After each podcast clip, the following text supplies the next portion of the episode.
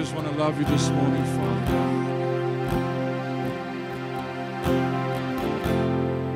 Daar is niemand soos U nie, Vader. En ons aanbid U vanmôre vir U goedheid en U guns en U genade. U oneindige liefde oor ons. Dankie dat U ons vashou in die holte van U hand. Dankie vir U geduld met ons.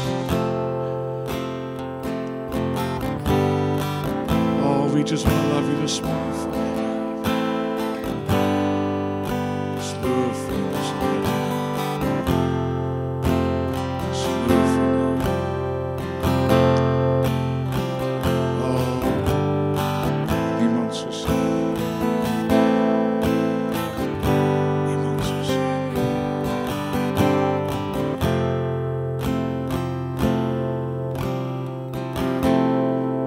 ons gebed is ook vanmôre dat wanneer ons die woord oopmaak, jy met elkeen van ons sal praat. Geef ons rigting in ons lewe en spreek in deur die Heilige Gees in elkeen se hart vanmôre.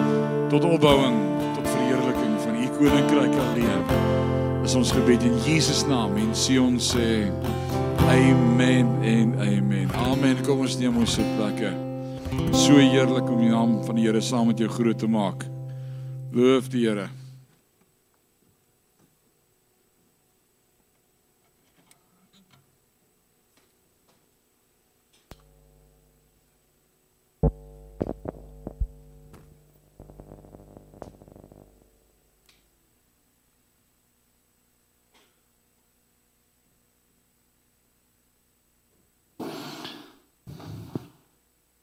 En al ons besoekers vanmôre, baie baie welkom, die wat hier kuier. Jy het die warmste winter, die warmste dag van die jaar gekies om te kom. En uh ek hoor die winter kom vanaand. So as jy nou die komberse nog weggepak het, haal hulle vanmiddag gou-gou uit. Ek sien die app sê vanaand 12:00 is dit -3. So Draai maar die pype toe, draai die krane oop. Laat die pype nie bars nie. Ek wil gou vir julle iets wys en dan kyk julle of julle dit kan onthou. Grant dat jy dit vir ons op daarso.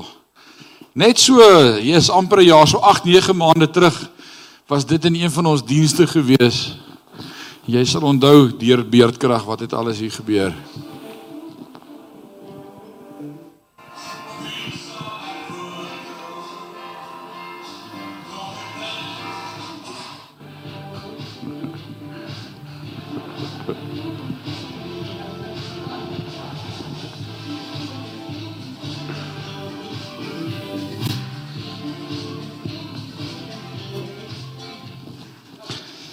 In donker tye en toe woep sit Eskom die krag af.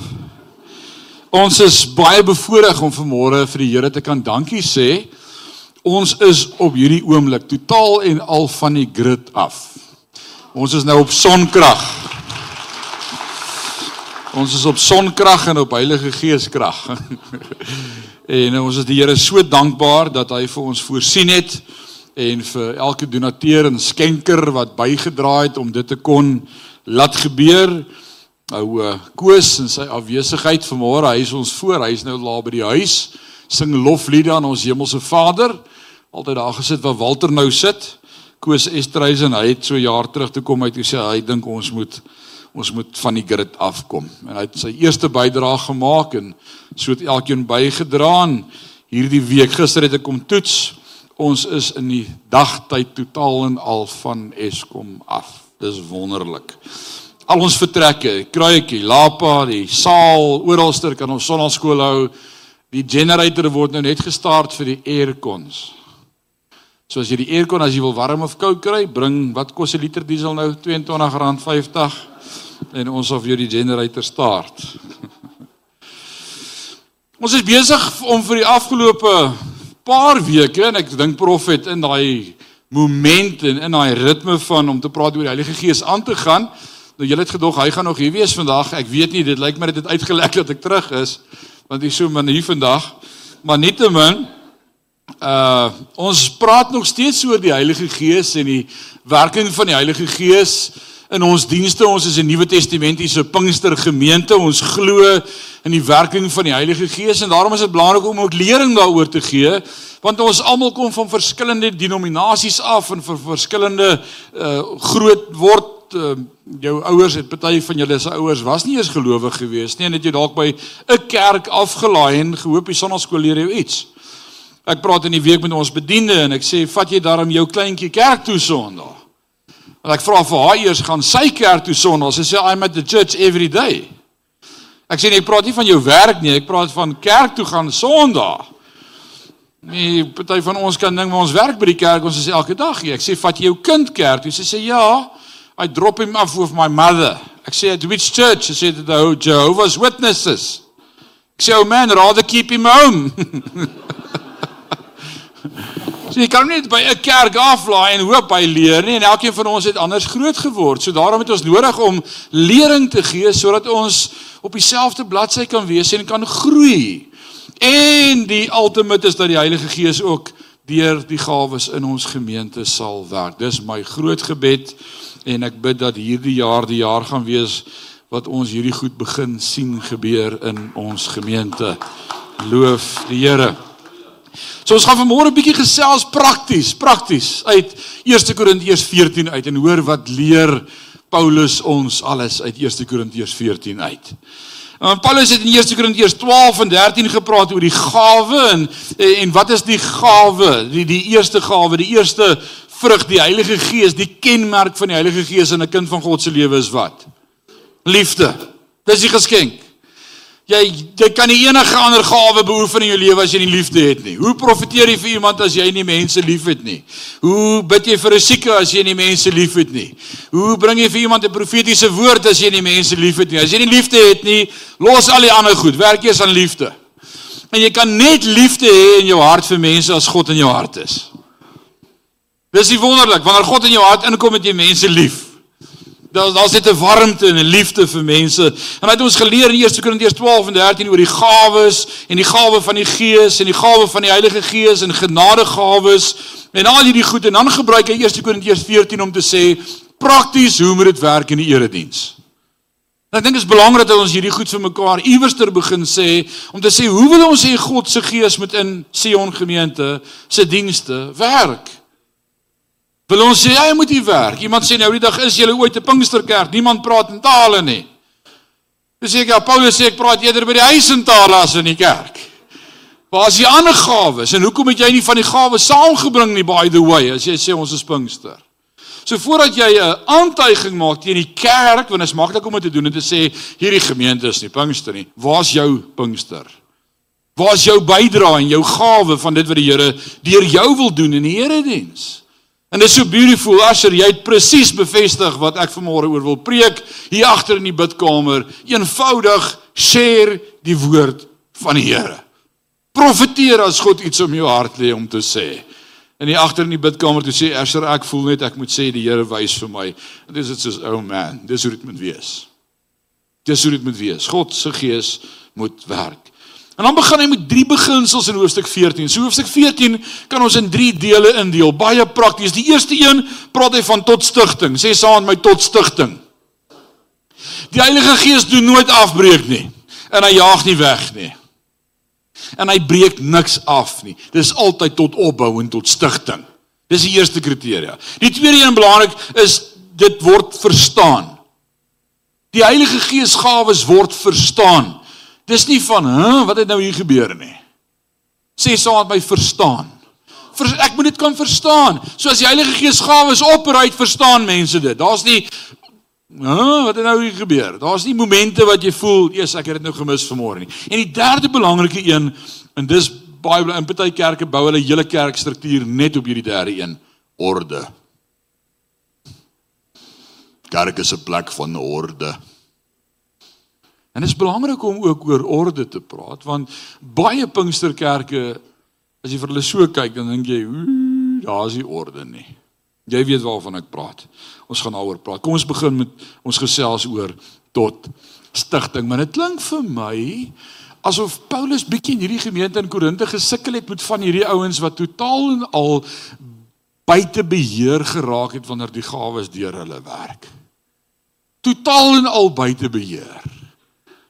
En ek onthou as jy met Pinkster groot geword het, dan onthou jy dat dat soms mense so buite beheer geraak het wanneer die Heilige Gees oor hulle vaardig geraak dat hulle weer dinge doen. En Paulus kom en hy spreek dit goed aan en hy sê die Heilige Gees is nie weird nie. Hy hy hy submit aan jou, maar hy wil deur jou werk. En dan moet daar hierdie drie goed wees: stigting, verstaan en orde. So kom ons praat oor stigting en dan begin hy in vers 1 as hy hieroor praat. En dit was een van Paulus se gunsteling woorde, natuurlik ontleen die woord stigting hom tot argitektuur, opbou tot stigting. Wie van julle is almal in die argitektuurbedryf of teken dinge of sketsgoed, ontwerp dinge? Lekker tot stigting, tot opbou. Dis die woord nou. Nou die konsep kan nie vreemd gewees het nie want ons is die liggaam van Christus. Maar ons is ook die tempel van die Heilige Gees. So hierdie woord het op liggaamsvlak en op tempelvlak argitektuur te doen met met wie ons is. So die gawes wat in die dienste gebruik word tot stigting is tot opbou van elke individu se gees en se menswees. So dis soos as jy 'n gawe gebruik is dit die doel. Hoekom gebruik ek hierdie gawe? Ek moet opbou, uplift. Alraight. So dis dis hoe die gawes wil werk. En hier is 'n eenvoudige beeld wat Paulus gebruik. Nou die fout wat die Korintiërs gemaak het was om hulle eie persoonlike opbou tot die verwaarlosing van die kerk te beklemtoon. Hulle het die gawes gebruik net om hulle self te bless. Om hulle self op te bou, net tot voordeel van hulle self. Hulle het gekyk wie kan die meeste in tale bid en wie kan die meeste in tale praat en wie kan die meeste uitlê en dit het oor die eie ek gegaan en nie oor die gemeente nie. So as ek die gawes verkeerd gebruik, verwaarloos die gemeente. Ons is deel van 'n gemeente en dit was my so pragtig. Die eerste lied wat Walter hulle gesing het vanmôre is Welcome to the family. Jy's deel van 'n integrale familie. Daai ou langs jou, vat jou elmboog gemaak hier so. Nee, maar jy moet nog gestamp het man. Jy kon sê die pastoor het gesê. Stamp hom wakker. Kyk net dat hy asemhaal. Daai was deel van die familie. Die ou agter jou, die ou in wie se kop jy vaskyk voor jou. Hy's deel van die familie. Hy's hier, hy bely Jesus Christus as koning van sy lewe. So die gawes is vir elkeen hier. Wat wil God deur my doen? Nou baie van julle kom net kerk toe en ek weet dis nie in hierdie kerk so nie, maar in ander kerke is dit so dat jy in die kerk toe gaan die pastoor moet 'n woord bring en ek wil 'n woord by die pastoor hê. Maar ek gaan nie met die veronderstelling dat die Heilige Gees iets deur my wil doen nie. Wie van julle het vanmôre kerk toe gekom en gedink, Here, wat wil U deur my doen vanmôre? Kom aan, wees eerlik, steek gou die hande op. En ek bid dat voor die einde van hierdie jaar, as ek hierdie vraag ooit weer sal vra, almal hulle hande in die lug sal hê en sê, ek is ingebid. Ek het gesê, Here, as U iets deur my wil doen, hier's ek. As ek vir 'n sieke moet bid, hier's ek. As ek vir oue woord moet bring, hier's ek. As ek iemand moet stig of moet opbou of vermaan, hier's ek. Gebruik my. Dis wat God deur ons wil doen. Dis prakties wat Pinkster beteken. As ons almal lede van dieselfde liggaam is met die manier waarop ons met ander lede omgaan, ons uiteindelike persoonlikheid raak. Die manier hoe ons mekaar groet. Party van julle seil moet 'n spoed daar by Louis en S verby in die oggende. Reguit op galery. Ek bedoel, kry jou plek in die kerk. Onnet nie dat mense my sien nie. En as jy by jou plek kom, dan sit daar nog iemand op jou plek ook. Onthou in die gemeente het niemand plekke nie. Ek dalk moet ek dit net elke week van die kansel of sê. Niemand het in die kerk plek het behalwe oom Leon. Hy jag hulle af. Sê dis my plek hierdie. Verder het niemand plekke in hierdie kerk nie. Alraight. En ek gebruik altyd hierdie verduideliking wanneer wanneer ons by die huis is. Julle drieling kuier nou lekker daar by Walter by sy nuwe huis op die eiland en en en die hele huis is vol. Ek al daai banke en stoele is vol, Walter. Daar's nie genoeg plek vir almal nie. En die pastoor kom maar aan dan sê hulle nie vir hom ons sit op ons plek gaan kry vir jou 'n stoel nie. Hulle spring almal op en sê hoorie kom sit op my plek want ek's familie. Ek kan enige plek in hierdie huis sit. Jy's die gas. Is dit nie hoe dit werk nie? Maar in die kerk is dit soos hierdie is my plek. Nou as jy dink jy het 'n plek in die kerk, beteken dit jy dink jy's 'n gas en nie deel van die familie nie. Want familie skuif op. Dan sê ek ste bly jy's nog mense hierso sit op my plek. Mm, nou raak dit stil. Goed, kom ons gaan aan. Kom ons gaan aan. Paar goed dat hierdie teks uit wat ek so ver seën want in vers 1 Korintiërs 12 vers 21 sê die oog kan nie vir die hand sê ek het jou nie nodig nie. Met ander woorde Paulus sê in hierdie liggaam het elkeen elkeen nodig. amper sê ek nou van Korah. Sal iemand vir Korra ken? Dit was jare terug. Ou Korra was 'n ou tannie gewees, altyd hierso so by jou rond gesit het hier in die tweede bank. Nou Korra het so 'n gehoorstukkie gehad wat in so 'n gebreide sakkie om die nek gehang het. Onthou jy daai? Okay, julle sal nie. So gebreide sakkie en dan die oorfoontjie so opgeloop en in dienste dan raak sy aan die slaap. Dan sit sy hier voor en snork. Klop hard hier voor in die kerk. Want toe eendag so by die huis, nou praat ek uit die huis uit, uit die pastorie uit. Toe praat ons so aan tafel oor die liggaam van Christus en elkeen het 'n deel in die liggaam. En ek weet nie wie het gevra nie, was dit seker maar ma. Kom ons sê dit nou, ma vra toe. Sy wonder wat is Korra se plek in die liggaam. En my pa het die openbaring. Was dit pa? Wie wie die openbaring gehad? Hoe sak hy dit sy kop? Alraai, ons bely mekaar ons sondes dan ons vergewe. Ek dink die antwoord was dalk is hy die adenoids. Alraai, nou is ons vergewe. Maar elkeen het 'n plek en 'n funksie in die liggaam. Elkeen se waarde is anders, maar wanneer ons so saamkom, het elkeen iets om te bring. Jy's deel van die liggaam. So moenie jouself minag en dink, "O, oh, ek het niks om te bring nie." Ek kan nie sing soos hulle sing nie of ek kan nie praat soos daai ou praat nie. Wat wil die Heilige Gees deur jou doen want dit gaan oor die Heilige Gees. So jy moet net 'n oop kanaal wees.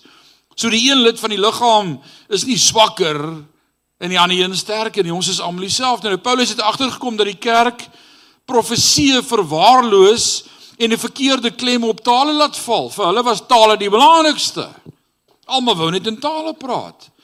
En ons moenie aan die een Nuwe Testamentiese profeet dink as 'n persoon wat die toekoms voorspel het nie, want selfs in die Ou Testamentiese profete het dit nie gedoen nie. Hulle het gepraat van wat God wil doen, dit wat God wil doen, die werk wat God gaan doen. Profete het God se boodskap onmiddellik ontvang deur die Heilige Gees en daardie boodskap aan die kerk gekommunikeer in hulle eie taal. Dis die werk van 'n profeet. Om dadelik by God te hoor wat wil hy sê en te sê dis wat ek glo God sê. Toe Asher in die bidkamer is en ons staan toe sê hy ek dink dis wat die Here sê. Die Here sê Sion gemeente, ek sien die reënboog, ek sien al die kleure van die spektrum van God wat verheerlik word en ek sien 'n diamant wat elke keer bietjie gedraai word sodat iets van die attribute van God elkeen beklemtoon word een vir een. En dit resoneer met die woord van God want God sê word meer sodat ek word minder sodat ek meer in julle kan wees. Hy sê laat julle lig so skyn voor die mense dat julle Vader wat in die hemel is verheerlik word. So as ons nou streng volgens Korintiërs daai woord dan moet beoordeel asser, dan sy in die kol want hy's in die woord. En dis wat ons met woord moet doen. As iemand 'n profetiese woord bring, dan moet jy sê kom ons meet dit aan die woord. Ja, nee, dit klink soos God wat praat. Want God gaan nie vir jou iets sê wat nie in die woord. Hy gaan nie vir jou sê, broer, ek voel die Here sê jy moet jou vrou los nie. Dis nou tyd. En ek weet van profete wat sulke goed profeteer. Ek wil vir jou sê dis nie van die Here nie. Want dis nie sy woord nie. En God kan nie verander nie. Alraight. Profesie was nie dieselfde as ons hierendaagse prediking nie. En baie pastore dink tot aan hulle self en hulle prediking as profete wat die woord van God bring. Nee, dis nie hoe 'n profeet werk nie. Jy het voorberei, jy het met die teks gesit, jy het met die teks gestoei, jy het daaroor gedink. Dis nie 'n profetiese woord nie. Dis 'n woord van God, maar nie 'n profetiese woord nie. Dis prediking. Maar 'n woord van God is wanneer jy instap en sê ek het 'n woord. Ek het 'n woord. Ek onthou die eerste keer wat God my profetiese woord gegee het. Wie van julle het al ooit geprofeteer? Steek gou julle hande op. Dis awesome as die Heilige Gees deur jou werk, maar ek onthou my eerste profetiese woord word genooi om 'n naweek in Groblersdal te gaan kuier by vriende op die plaas en hulle sê vir my hulle wil die Vrydag aand 'n sing song hou om Rolf Swanepoel en Phyllis en hulle pak so 'n klomp stoele uit. Ons ry nogal na die AGS pastoor toe om 'n klomp stoele te gaan leen in die dorp en ons pak hy sitkamertjie vol stoele. Daar sit seker so 50 mense. Ons het so lekker gathering en hy sê net lekker praise and worship vanaand. Ek sê dit doen ek toe o. Ek kan dit doen. Was 20 jaar oud. En ons lekker sing song en praise and worship en lekker en op 'n stadium kom Rolfie klavier toe en hy wys my ons is nou klaar en great.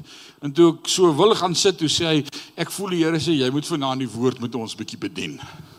Kyk, het iemand jou al ooit so in die diep kant ingestamp? En jy kan nie swem nie. En hier sit 50 ouens vir my en kyk nou wat nou. Ek voel hoe raak ek al die kleure van die reënboog. Dis soos nee man, ek kan nie eens onthou wat ek vanmôre gelees het nie. Ek's nou 'n blank. Ek sê net Here help my. En toe ek voor gaan staan met my Bybel so en ek groet die ouens en ek kyk so toe vir die eerste keer in my lewe gee die Here vir my 'n profetiese woord vir 'n paartjie wat so in die derde, sal dit so in die derde stoele gestaan so. Man en vrou wat langs mekaar sit, hande vashou. Julle ouderdom, Koenie. En ek dink hier, hierdie kan nie van die Here wees nie. Jy 'n woord vir iemand moes bring wat jy twyfel of hierdie die Here is. Dis so rarig. En ek dog net ek gaan inspring en gaan dit gee. Ek sê julle twee staan net vir my op asseblief. En ek en ek onthou ek sal hierdie woorde my res van my lewe onthou. Ek sê vir die man en vrou ek sê die Here sê hierdie is nie jou vrou nie en hierdie is nie jou man nie. Hulle slaat albei reg agteroor. Stoele gee so pad agter hulle. Slaat plat neer. Ek gaan sit. Ek het al gepreek. Rolf kom vorentoe. Hy sê nee nee, ek dink ek moet aangaan. Skus julle, hulle is by die deur uit, weg. Ek tog wat het ek nou gedoen? Aan na die tyd, toe kom een van sy ander vriende, hy sê Hulle het albei geëloop, hulle is nog getroud, hulle het hulle partners in Pretoria gelos, Groblersdal toe geloop, vir mense gesê hulle is getroud. Niemand het geweet nie. Dis hoe die Here werk. Dis profeteer. Dis om God se hart te deel. Ek hoop hulle is terug na hulle mans en vrouens toe. Maar dis hoe die Here werk. Hy gee 'n woord. Nou nou hier's 'n interessante ding uit vers 1 tot 3 wat ons kan aflei. Is profesie spreek tot mense, maar tale spreek tot God. Wil jy moet dit vang vanmôre? Dis belangrik om te verstaan. As ek profeteer, praat ek nie met God nie. As ek profeteer, praat ek met mense en ons bou mekaar en stig mekaar en bou mekaar op. En as ons in tale praat, praat ons met God. So die rigting van tale is opwaarts. Maar die rigting van profesie is altyd van God af afwaarts. Nou dis belangrik om te weet en veral wanneer ons net gaan praat oor die uitleg van tale, is dit belangrik om dit te verstaan. En wat dit in hierdie konteks van hierdie gemeente sou verstaan. Ek wil hê ons moet hierdie teks reg verstaan vanmôre. Vers 1 sê: "Lê julle toe op die liefde. Bly egter ook entoesiasties oor die gawe van die Gees, veral oor die gawe om te profeteer. Paulus sê vir die hele gemeente, ek wens dat julle almal kan profeteer. Met ander woorde, ek hoop en ek wens dat elkeen van julle se geestelike ore so sal oop wees om te hoor wat die Gees van God deur julle vir mekaar wil sê. Asher, jou ore is oop, broer. Maar God sê ek wens dat elkeen se ore so oop sal wees.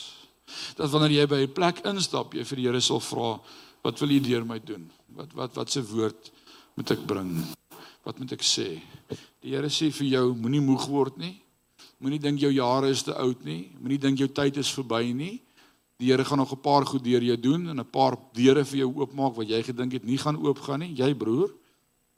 Hoor jy wat ek vir jou sê?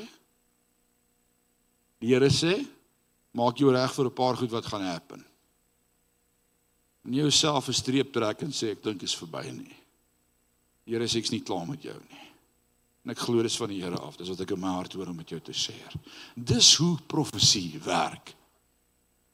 Deel wat die Here op jou hart neem om te deel. Nou dit was Paulus se raad in die kerk. Profesie was die beste omdat die kerk opgebou word daarmee. Dis 'n dit, dit het die luisteraars aangemoedig en vertroosting gegee. 'n Profesie is altyd tot aanmoediging en tot vertroosting.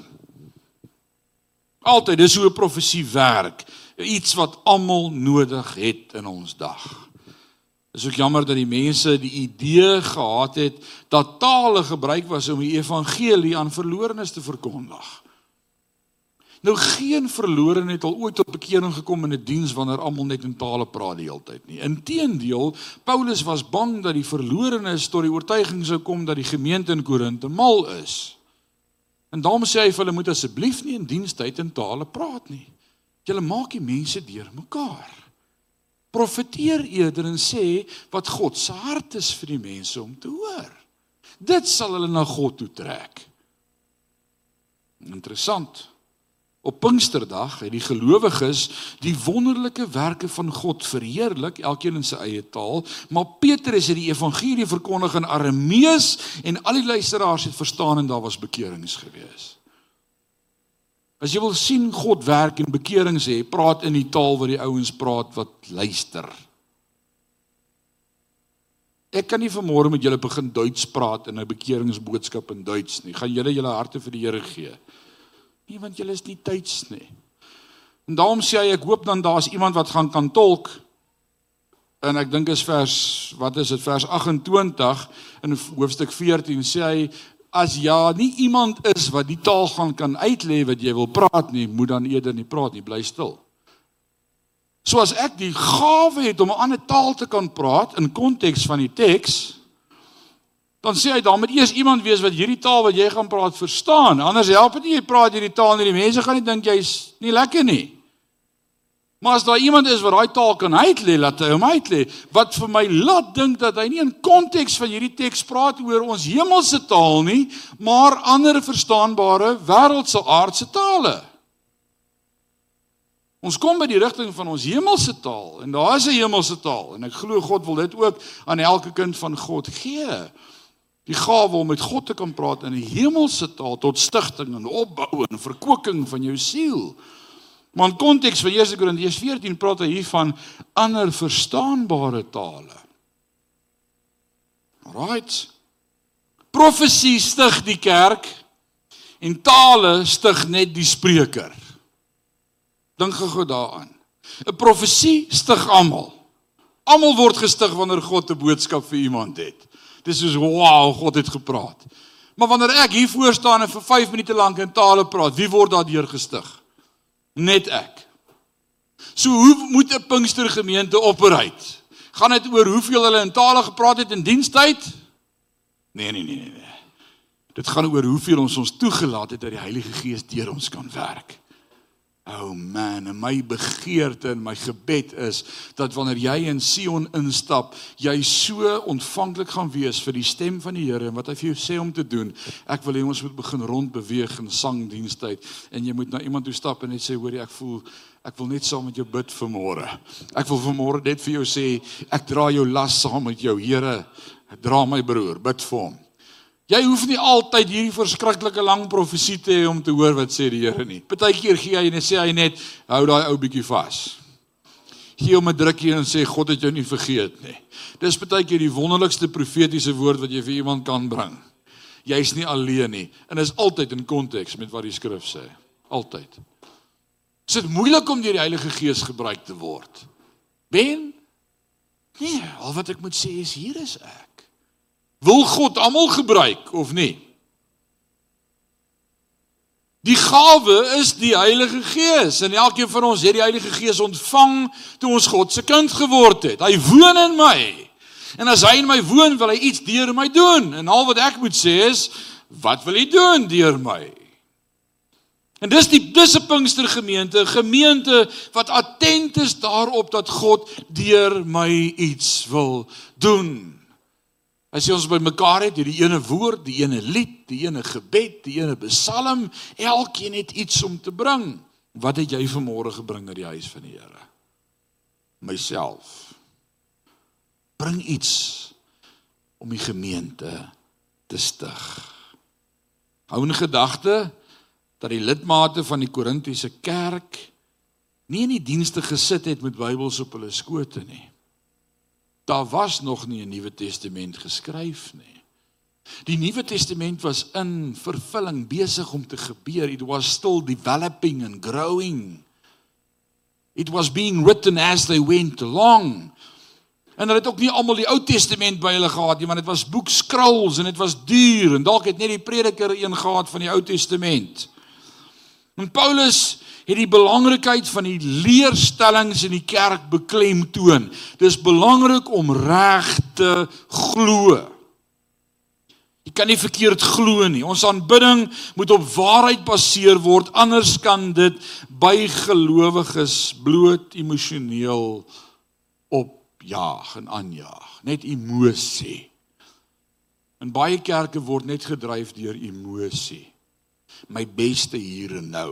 Bely net positief. Sê net dit sal goed gaan, dan gaan dit goed. Maar dis nie wat noodwendig wat die woord ons leer nie.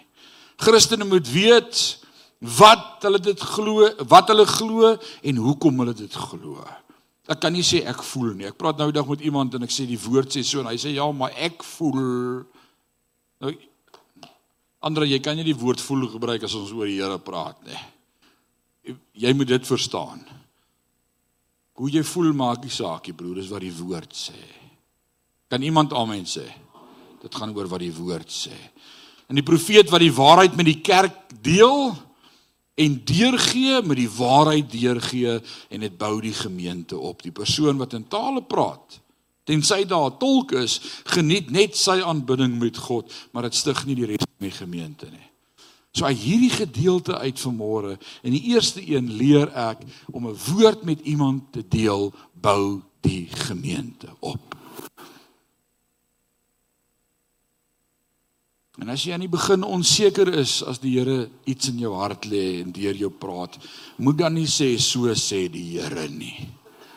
Sê dan weet jy daar's net iets wat in my hart kom as ek na jou kyk vanmôre en ek ek voel Ek wil net my arms op jou sit en vir jou bid. Ek voel. totdat jy leer om die stem van die Heilige Gees te ken in jou lewe en weet dis God wat nou gepraat het.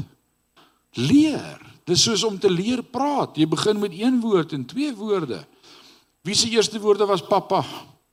Mamma, daar's mos altyd 'n beklei tussen die pa en die ma. Nie uitgesê pappa, dada, pappa, mamma. Leer totdat jy God se stem kan ken en toelaat dat God se stem deur jou werk. Die tweede deel van hierdie hoofstuk gaan oor verstaan of begryp. Dit is belangrik. 8 keer in hierdie afdeling het Paulus die woord verstaan gebruik. Dis nie genoeg dat die pastoor bloot net inligting aan mense oordra nie. Die, mense moet dit verstaan, hulle moet dit ontvang as hulle dit tot voordeel wil gebruik in hulle lewe. Wat sal dit vir jou help as ek vanmôre 'n uur lank preek en jy stap hier uit en sê ek het nie 'n klou wat ek gepreek het vanmôre nie. Wie het al in sulke dienste gesit? Ons het al almal. Die maas die risientjie kerk toe. En sy sê jy moet 'n slag in die kerk kom, jy is te ongoddelik stout. Gaan kerk toe. En hy kom na diens by die huis en sy ma sê vir hom: "En hoe was die diens?" Hy sê nee, dit was maar stil. Sy sê wat het die dominee gepreek? Sy wil nou vra vra, jy weet, hoor of hy daar was of hy geluister het. Hy sê ek weet nie lekker wat hy probeer sê het nie, maar dit klink my teen sonde. Nou dis nie hoe die Heilige Gees wil werk nie, ouens. As jy op 'n Sondag uitstap, moet jy die woord van die Here gehoor het. Dit moet in jou hart val. Jy moet dit verstaan sodat dit kan saad oplewer en kan groei en 'n vrug hê in jou lewe. As jy in 'n kerk sit elke week waar jy sê Jesus, ek wonder waaroor het hy vanmôre gepreek, dan is jy in die verkeerde kerk. Jy moet die woord verstaan, jy moet die skrif verstaan, jy moet die teks verstaan. Matteus 13 vers 23, hulle by wie dit op goeie grond gesaai is, is die wat die boodskap hoor en verstaan. Dis die goeie grond waarop die boodskap moet val. Hulle dra vrug en bring 'n oorvloedige oes voort, 160, 30 maal soveel as die oorspronklike saad wat in hulle harte geval het. As 'n gelowige opgebou wil word, moet hy sy hart voorberei om die woord te ontvang. Dis 'n tweede belangrike punt. Wie van julle het vanmôre julle harte voorberei by die huis voor die kerk toe gekom het en gesê, "Here, ek wil vanmôre u woord hoor. Ek wil u woord verstaan. Ek maak plek in my hart vir u woord." Of het jy kerk toe gebring dat jou vrou bietjie in die kerk kan kom vir 'n slag? Dat sy bietjie kan hoor wat sê die Here vir haar. Of my kinders dat hulle bietjie kan, hulle moet hulle, jy weet, hulle moet hulle bekeer. Dis nie vir my nie. Ek het nie die woord nodig nie. En baie keer sit ons in 'n preek en dan dink ons, "Jesus, waar sou Koos? Hy moes nou hierdie preek gehoor het. Hierdie is nou net vir Koos." Ons dan mis jy die bus. Elke keer as God praat, wil hy met jou praat. Hy wil met jou praat, hy wil met elkeen van ons praat. En daarom sê ek elke keer as voor ek op hierdie kansel klim, hierdie woord het eers met my gepreek voor ek hom vir jou kom bring. Hierdie woord is nie vir jou en is nie vir my nie. Hy praat met ons elkeen. 1 Tessalonisense 2 vers 13 sê verder sal ons God aanhou dank dat julle sy woord wat julle by ons gehoor het aangeneem het nie as mense woorde nie maar soos dit werklik is as God se woord. Die woord is aan die werk in julle wat glo. Jy moet glo dis God se woord vir jou. As jy nie glo hè, ek glo nie hierdie is God se woord vir my nie, gaan dit vir jou niks doen nie. Jy moet dit glo. Glo. As 'n gelowige opgebou wil word, moet hy sy hart voorberei om die woord te ontvang. Nie almal wat luister hoor regtig nie. Wie weet dis die waarheid? Wanneer laas jy met jou vrou gepraat? Nee, ek spot. Maar nie almal wat hoor wat luister hoor regtig nie. Baie keer as ek koffie drink hier agter, dan sal iemand by my kom en sê, "Jo, vanmôre toe jy dit sê, toe toe dink ek ek het nie daaroor gepreek nie. Ek het het ek dit gesê?"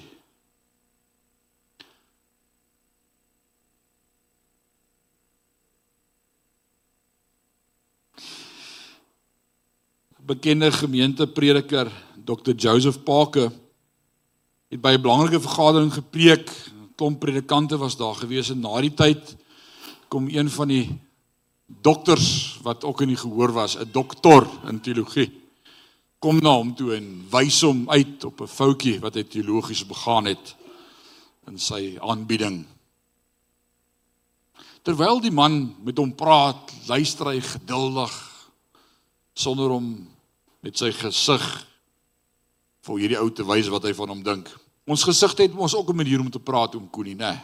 Hulle vertel ook 'n storie. Ja? Hm. En uh so mooi in selfbeheersing luister hy hierdie ou uit wat vir hom vertel hoe verkeerd hy een of ander teologiese beginsel benader het. En toe die persoon klaar is, toe sê hy in liefde vir hom: Ek neem kennis daarvan en ek hoor jou. Maar was daar daarom iets anders in die boodskap wat jou geraak het?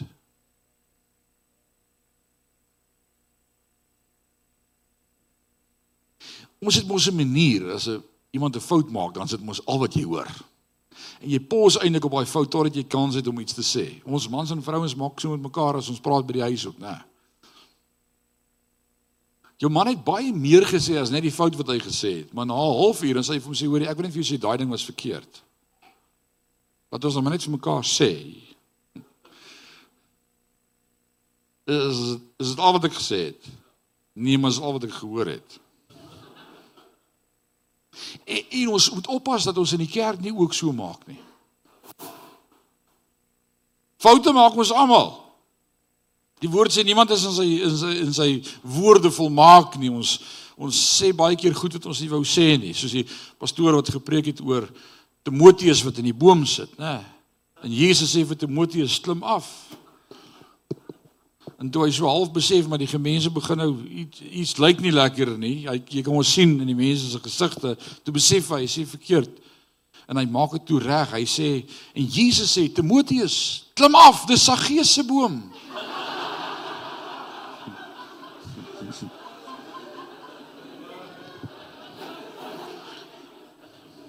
Moenie dat Timoteus al is wat jy hoor uit die preek nie. Dan gaan jy teleurgesteld wees. Maar berei jou hart voor om te ontvang dit wat God met jou wil deel. 'n Voorbereide hart. Kom ons maak gou 'n paar illustrasies en dan maak ons klaar. Iemand gaan nou sê amen. Vir die maak klaar. Dan gaan ons lekker koffie drink. Vers 6 tot 11 van hierdie gedeelte is nogal belangrik om reg te verstaan. Broers en susters, Sê nou maar ek sou na julle toe kom en ek praat net in tale. Hoe sou dit vir julle iets kon beteken het?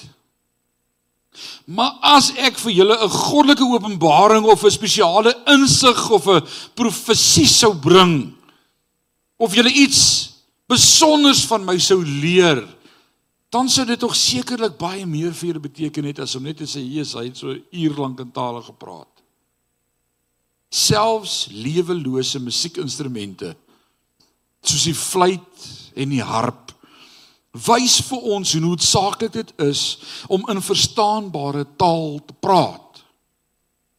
Want as die note nie duidelik onderskeidbaar is nie, hoe sal ons hulle melodie herken? Nou kyk ek is nou nou nie die beste musikant nie. Maar soms hoor ek iemand op 'n musiekinstrument dan dink ek liewe genade. Ek dink aan daai liedjie wat sê killing me softly of is killing me softly. Dis is nee, hou net op. ek dink aan toe ek in die laerskool was. Almal wat musikaal is staan die kant. Nou het ons sommer 'n slagorkes. Kan jy 'n slagorkes onthou?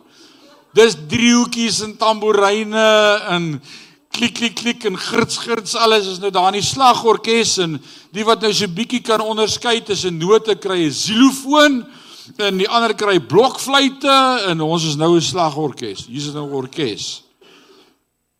Ek moes vanmôre gaan soek vir my blokfluit.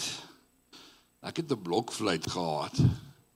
Maar jy kan op een noot enige liedjie speel. En party kinders het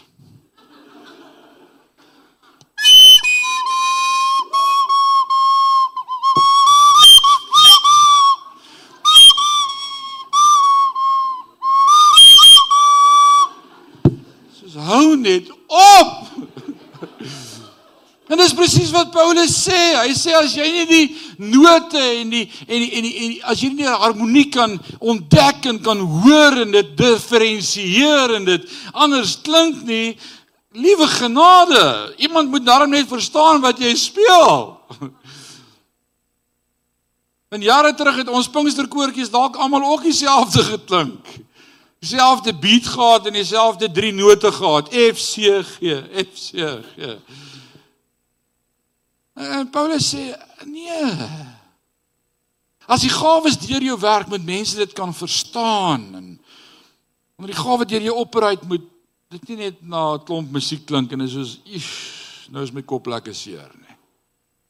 Ons moet toelaat dat die Heilige Gees kan diferensieer deur ons en mense kan onderskei en dit elkeen aanraak. Dit is soos die Heilige Gees deur ons wil werk. Dan sê in vers 8 as die as die trom pet nie 'n helder klank laat hoor nie, watter soldaat sal vir die geveg gereed maak? Nou toe ek so in graad 10 rond is, toe druk hulle my in die kadetorkes. Wat is Salzburg se kadetorkes? Toe begin ek op 'n beul. Na 2 weke toe sit hulle my op 'n trompet. Hy daarom drie goed wat kan druk. Moet jy uitfigure wat een doen wat. Die jare daarna toe ek sommer eerste trompeter moet voorloop. Maar jy moet die regte tune blaas op daai trompet, anders is dit net 'n geblaas. Nou nou die konteks wat hy hier gebruik is, uh, hy praat van 'n soldaat en hy praat van geveg. So as jy nou bietjie in die weermag was, dan sal jy weet daar's verskillende opdragte wat deur 'n trompet uitpasyn word. Die manier hoe die trompet gespeel word, die ritme, die noot, die melodie sê vir die soldate aanval of terugval. Hy sê word wakker of hy sê gaan slaap. Daar's 'n oggendsignaal en 'n aandsignaal en dit klink anders. Maar as hierdie arme trompeter nie kan trompet speel nie, gaan hierdie klomp troepe so deur mekaar wees, hulle gaan nie weet of hulle kom of gaan nie. En dis wat hy sê. Nou ek het nou my kudu horing gebring, maar ek gaan nie op hom blaas nie. Alraight.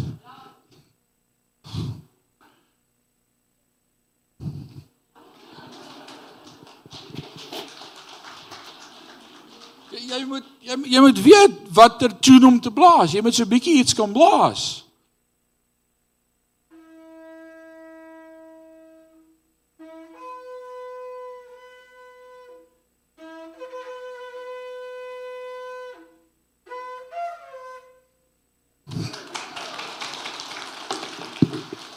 Maar as ek die hele tyd dieselfde tune blaas vir al die opdragte, gaan die arme klomp troepe nie weet wat moet hulle doen nie. As ek elke week vir jou sê God is liefde en julle moet mekaar lief hê, dis great, dis die waarheid. Maar hoeveel keer kan jy dit op 'n Sondag hoor?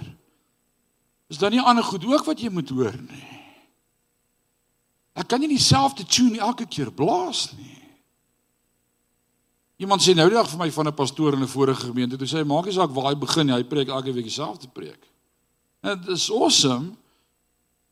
Maar kan nie elke week dieselfde week selfde toon blaas nie.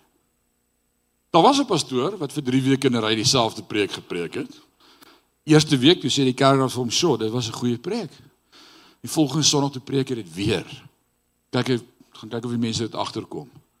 Sê paar weer vir hom, "Ja, vanmôre was 'n goeie woord." Die derde week toe preek hy presies dieselfde preek vir 'n derde keer in 'n ry. Een van die kerkraad kom met agter. Hulle kom na hom toe na diens en sê luister, ons het hierdie preek al iewers gehoor. As jy het, is die derde week in 'n ry. Hulle sê vir hom berei jy nie voor nie. Hy sê ek doen, maar wanneer begin jy dit te doen? Wanneer luister jy na dit wat God sê ons moet doen? En dis hoe die woord werk. Dieselfde geld vir julle. Dieselfde voorbeelde, vers 9 geld vir julle. As jy 'n taal praat waarvan 'n mens nie die woorde kan onderskei nie, hoe sal iemand dit dan verstaan wat jy sê?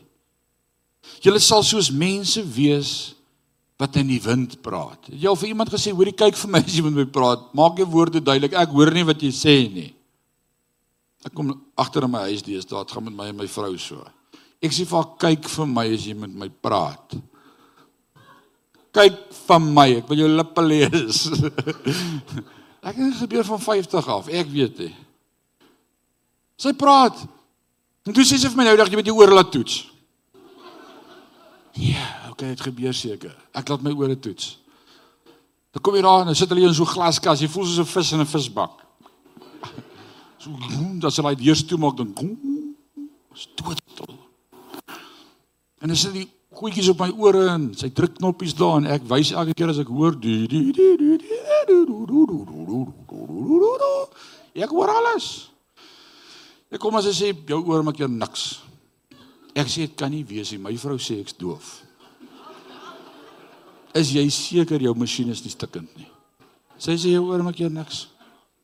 Nou gaan ek huis toe. Nou check ek nou wat gaan aan. Chris, ek vind uit wat gaan aan. My vrou begin in die kamer met my praat. Ek's by haar. Sy stap. Sy hou aan praat. Sy's naderhand in die aantrekkamer. Maar sy praat nog met my. Maar ek sien daar nie. Sy stap naderhand in die gang af kom by huis toe. Sy praat nog al die tyd met my. Ek kan glad nie meer hoor nie. OK, is dalk nie my ore nie. Kyk vir my as jy met my praat.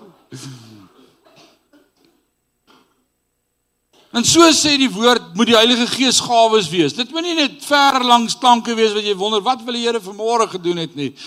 As God se Gees werk, dan weet jy wat hy wil doen. En hy praat met jou direk. Hy sê nie net so in die lig in die bondel nie. Ons moet toelaat dat God se Gees so deur ons kan werk. Daar daar daar is wie weet hoeveel soorte tale in die wêreld en hulle maak almal van klanke gebruik. Maar as ek nie sin kan maak van die klanke nie, sal ek vir die spreker onverstaanbaar wees en die spreker vir my ek sal nie hoor nie. Mag ons in Sion gemeente begin toelaat deur die Heilige Gees deur ons werk. Mag ons oomblikke skep in ons dienste. As jy nie vrymoedigheid het nie, mag ons oomblikke skep in ons dienste waar ons net wag op die Heilige Gees. En mag jy vrymoedigheid hê om te begin doen wat die Heilige Gees sê jy moet doen. Hoeveel ouens bel my na diens dan sê hulle, "Sjoe, ek wou vanmôre iets gesê het, maar jy het dit gepreek." Nou my magtig, as jy dit vroeër gesê het, hoef ek nie te gepreek het nie.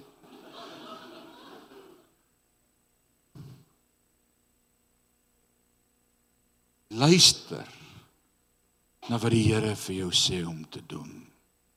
Begin klein. Gaan eenkant by iemand. Gaan staan by hom sê hoor ek ek wil net saam met jou bid. Dis hoe die Heilige Gees werk.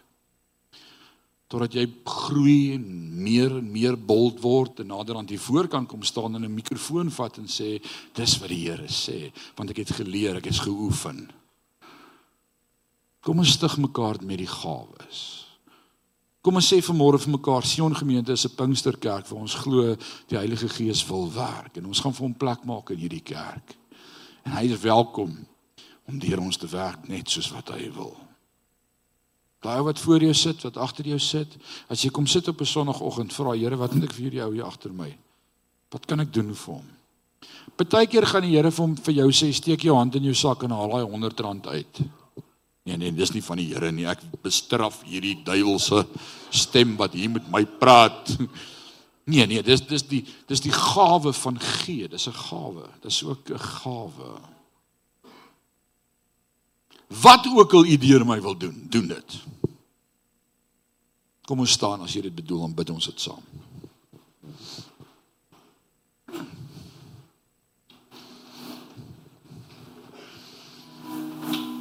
Gaan 'n oomblik tyd gee vir elkeen om op sy eie te bid. Jy gaan vanmôre hierdie gebed bid in jou eie woorde en vir die Here sê Vader, hier is ek, gebruik my. Ek wil 'n instrument wees in U hand. Bruikbaar wees en ek is oop vir die Heilige Gees dat U deur my sal werk. En ek wil bid elke keer as ek in hierdie plek kom of saam met gelowiges dat ek my ore sal oopmaak om te hoor wat God se Gees deur my wil doen. Sê dit in jou eie woorde vanmôre vir die Vader. Bid dit, maak dit jou gebed. Jy kan hard bid, jy kan sag bid, maar maak dit jou gebed in hierdie oomblik. Kom ons gee net 'n tyd van gebed, net so 'n minuut. Kom aan, kon ek met God.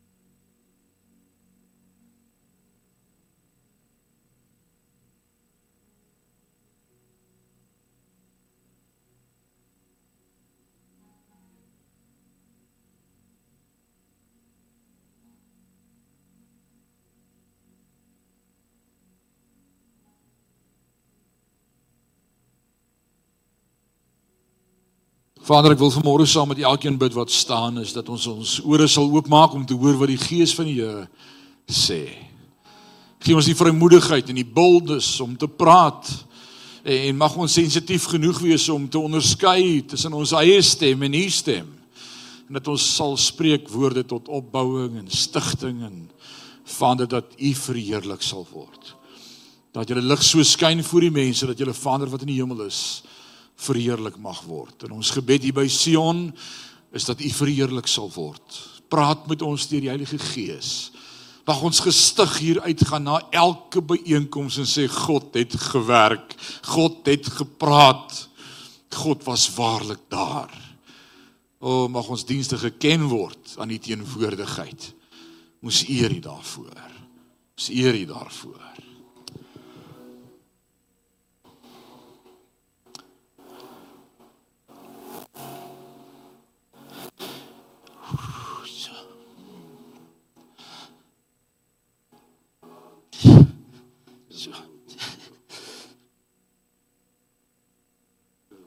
Voeties.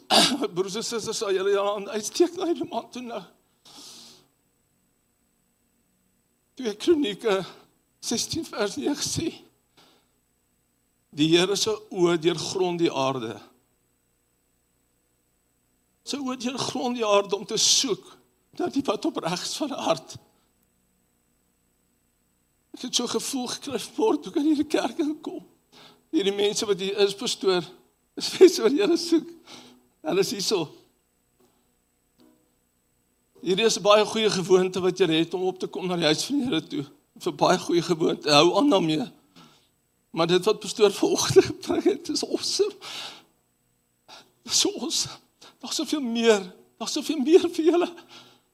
Daar's soveel meer wat die Here vir julle wil doen. So awesome. As jy net weet, die Here wag. Hy wag met oop hande. Hy wag met oop hande na julle toe. En soos elke hand nou uitgestrek word na hierdie man toe. Sien ons jou. Ons sien jou hart vanmôre. Ons sien jou as leier in hierdie gemeente wat die Here deur jou wil bereik. Here ons bid. Ons bid vir ons leier, ons bid vir hierdie pastor, Here. Ons seën hom vanmôre in die naam van die Vader, die Seun en die Heilige Gees. Ons dankie vir die man, Here. Dankie vir sy talente. Dankie dat hy ons in vervoering kan bring met die musiek wat ons kan uit jubel en lofsange kan bring. Here, mag hierdie dag opgeteken word. As 'n dag, Here, wat hierdie Sion gemeente groot veranderinge sal bring, Here. Dat ons elkeen ons harte onverdeeld op U gerig sal hou, Here. Want ek weet Here, dit is so so die moeite werd vir my 60 jaar van my lewe bestaan, Here, wat ek het. sien ek net ja te my lewe. Die goedheid en die guns, Here. Wat ek net dag na dag kan beleef. Ek eer die Here vir hierdie mense en vir hierdie gemeente. Mag hulle van krag tot krag gaan in Jesus naam. Amen. Dankie pastor. Dankie Boeta. Amen. Asher. Ek wil graag iets aktiveer vanoggend. Ek was in Indonesië in 2012. Ons orkes ons met die worship lei 14000 mense verteenwoordigend van 168 lande. En uh, ons het voorberei. Ek het laag gesou voor Here soos veel as 'n kind. Ek het bely vir 6 maande want die Here moet my skoon en oop en gebroke vind vir hierdie 14000 mense in Indonesië. Ons kom daar aan die die verhoog is 40 meter by 20 meter verhoog. Dis jy moet mekaar met 'n verkyker dop hou. En uh ons het hard voorberei. Bely voor die Here en ons liedere is reg. En ons om kwart oor 9 moet ons begin met hierdie konferensie ons eh, is, kom op die verhoog en deur aan die ander kant op die ander kant van die verhoog is nog 'n orkes. En hulle begin te worship in Kreool, ek weet nie wat daai ouens sing nie. Klink soos 'n mushroom taal of 'n uh shrimp. Ja, vir hulle begin sing. Ek draai om na die band toe ek sê vir hulle hoorie kat daai song. Kat daai song, dis al 09:30. Dit raak kwart voor 10. Ek sê sny daai lied, sny daai lied. 3 minute voor 10. Toe is daar 'n beewek. Weet jy wat om te doen nie? Ek tel op die Bybel. En die eerste keer in my lewe wat ek oopmaak en daar's iets wat werk. vers. Maar ek staan net so en ek lees daai vers. En Veronica my vrou speel die viool en sy begin met daai Halleluja. Jy weet holy. En dan chaos. Dis heilig maar ons chaos en daai 14000 mense. Here begin 'n werk. Ek het niks gedoen nie. Ek niks gedoen nie. Ek het gestaan. Gestaan. Hulle vat ons na daai stadion toe, 110 000 mense. Jy weet daai Michael Jackson, daai swart karre, gesê Range Rovers. Hy goed te wees so inklim die polisie. Ehm um, ja, so voor jou. Ons het toe nou daai band. Hulle soek vir Zamar ons moet nou gaan die, hierdie stadion die worship doen. Maar die karre gaan so vir ons oop. Kom maar in, moet die minister van Indonesië en whatever staan vir 110 000 mense. Billy Graham is nog agter my en Jonkie Chou sit daar op die verhoog. En dis die eerste keer in geskiedenis dat hulle Christendom mag in die publiek verklaar in daai G6 kanonkamera as ek 'n groen goede wys op my en ek vat my mikrofoon en my mikrofoon werk nie. Niks werk nie. Nou staan ek so, hulle dink ek is heilig, ek is onder die anointing. Ek kyk om na die band, maar toe die smoke masjiene so ges, so ge, pff, jy weet dit ek kom uit die band weg. Ek dink hulle is in die wolk van verheerliking en hulle verdwyn nie. En ek sien my vrou se handjie maak so deur die wolk. Sy speel klavier ook en ek sê Here God almagtig. Ek skree soos 'n maar vark daar. Kyk jy sien saggies wat jy sê. Ek sien tog is daar iemand met 'n mikrofoon jy skree. Jy gil. Ehm um, ek soek toe 'n mic wat werk, man, niks werk nie. Ek staan net so ek sê Here, wat maak ek hier? Hy sê vir my staan. Ek is lief vir jou. Ek het net gestaan. Niks het gewerk nie. Niks. Nie. So nou wil ek vir jou sê ek wil aan net aanlas is feelings follows faith. En faith is gehak aan die woord van God. En geloof kom deur gehoor en gehoor die woord van God. Hier is ouens en ek weet ook wie getal 6 kry nie daar ses spesifieke persone is wat staan en kyk na Goliat in 'n berg voor jou. En jy kan net vir daai berg sê wie God is. Jy kan net staan. Maak nie saak wat jou situasie is nie.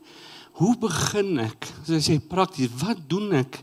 Eerste ding wat jy doen is maak nie saak wat dit is nie of dit nou finansies is. Ek wil nie nou met my emosies uit praat nie. Ek wil nie nou goeders uitdink waar ek nou hierso staan nie. Maak nie saak wat dit is nie. Staan net. Jy kan by nie niks doen nie. Maak nie saak dat jou kleinkinders is of ouers nog nie by die Here is nie. Maak nie saak wat dit is waarvoor jy nou staan nie. Waarvoor jy kyk in jou lewe jy staan. Ek wil dit aktiveer. Want jy weet nie wat om te doen nie. Want ons sal dit doen. Maar jy gaan net, ek het vanoggend gesê vir iemand, jy gaan net Goliat oorwin. Dawid het net vir Goliat oorwin uit intimasie uit, jy weet. Net uit intiem wees. Dis maar al wat ek wil sê. Dis wat gebrand op my hart. Jy gaan net daai Goliat wen uit intimasie uit. He that dwelleth in the secret place of the Most High shall abide under the shadow of the Almighty. And I will say of the Lord, He is my strength. En terwyl ek praat, kom die genesing vir jou. Staan net man, dis al wat jy hoef te doen, is jy mond oop maak nie. Sê Here, hier is ek. Not by feelings but by faith. I walk by faith, each step by faith, to live by faith, I put my trust in him. Ek uiter dit met my mond en ek staan. En as hy Goliath of 'n berg so voor my staan, I can only speak to you mountain and Goliath about my God. And I stand. As jy as dit jy is, wil ek maar net encourage vanoggend as dit jy spesifiek jy is wat sê. Ek weet nie wat om doen nie. Kan mag jy jou hand opsteek volgens dan kom bid jouself vir jou. En dis nie baie nie. Dis daai mountain. En dan vertrou die Here. Dis net al wat jy moet doen is moet staan. Jy kan niks doen. Hy doen alles nou. Ek is in een van die grootste vure in my lewe wat ek ooit was op hierdie ouderdom van 55. Ek was nog nooit in so 'n situasie in my lewe nie. Nog nooit nie. Ek weet nie wat om eers te dink oor dit nie. Maar ek weet ek moet staan. So as jy jou hand op, hou jou hand op dan dan sien ons waar jou hand is en dan dan kom die liggaam van Christus nou staan rondom hulle. En laat die Here vir jou woord gee vir hulle wat se hande op is. Ek sal ook afbeweeg. Net soos die Heilige Gees ons lei, maar hou jou hand op. Die res van die gemeente kyk, kyk wie se hand op is en ons draai rondom hulle. En ons bid saam vir hulle. En maar as die Here vir jou woord gee vir daai persoon, wees getrou. En kom ons kom in aksie vir oggend oor hierdie woord. Amen. Dankie Asher. Kom ons draai na die ou toe wat sy hand op het. Draai as hy langs jou staan, agter jou, voor jou. Sit jou arms net op hom. Sit jou hand op hom en dan begin jy net bid vir die Here op jou hart lê. Bid vir die Here op jou hart lê. Bid net vir die Here op jou hart lê. Dankie dat U praat. Dankie dat U bemoedig. Al wat ons wil doen is staan vas staan in die waarheid van wie U is.